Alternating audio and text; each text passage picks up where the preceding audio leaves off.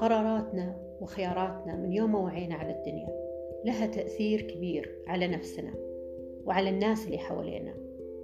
نقوم كل يوم كل صباح نبغى نحقق أحلامنا وأمنياتنا في الوصول إلى أقصى إحساس بالسلام الداخلي. معكم ندى الوابل وهنا في بودكاست بريث تنفس.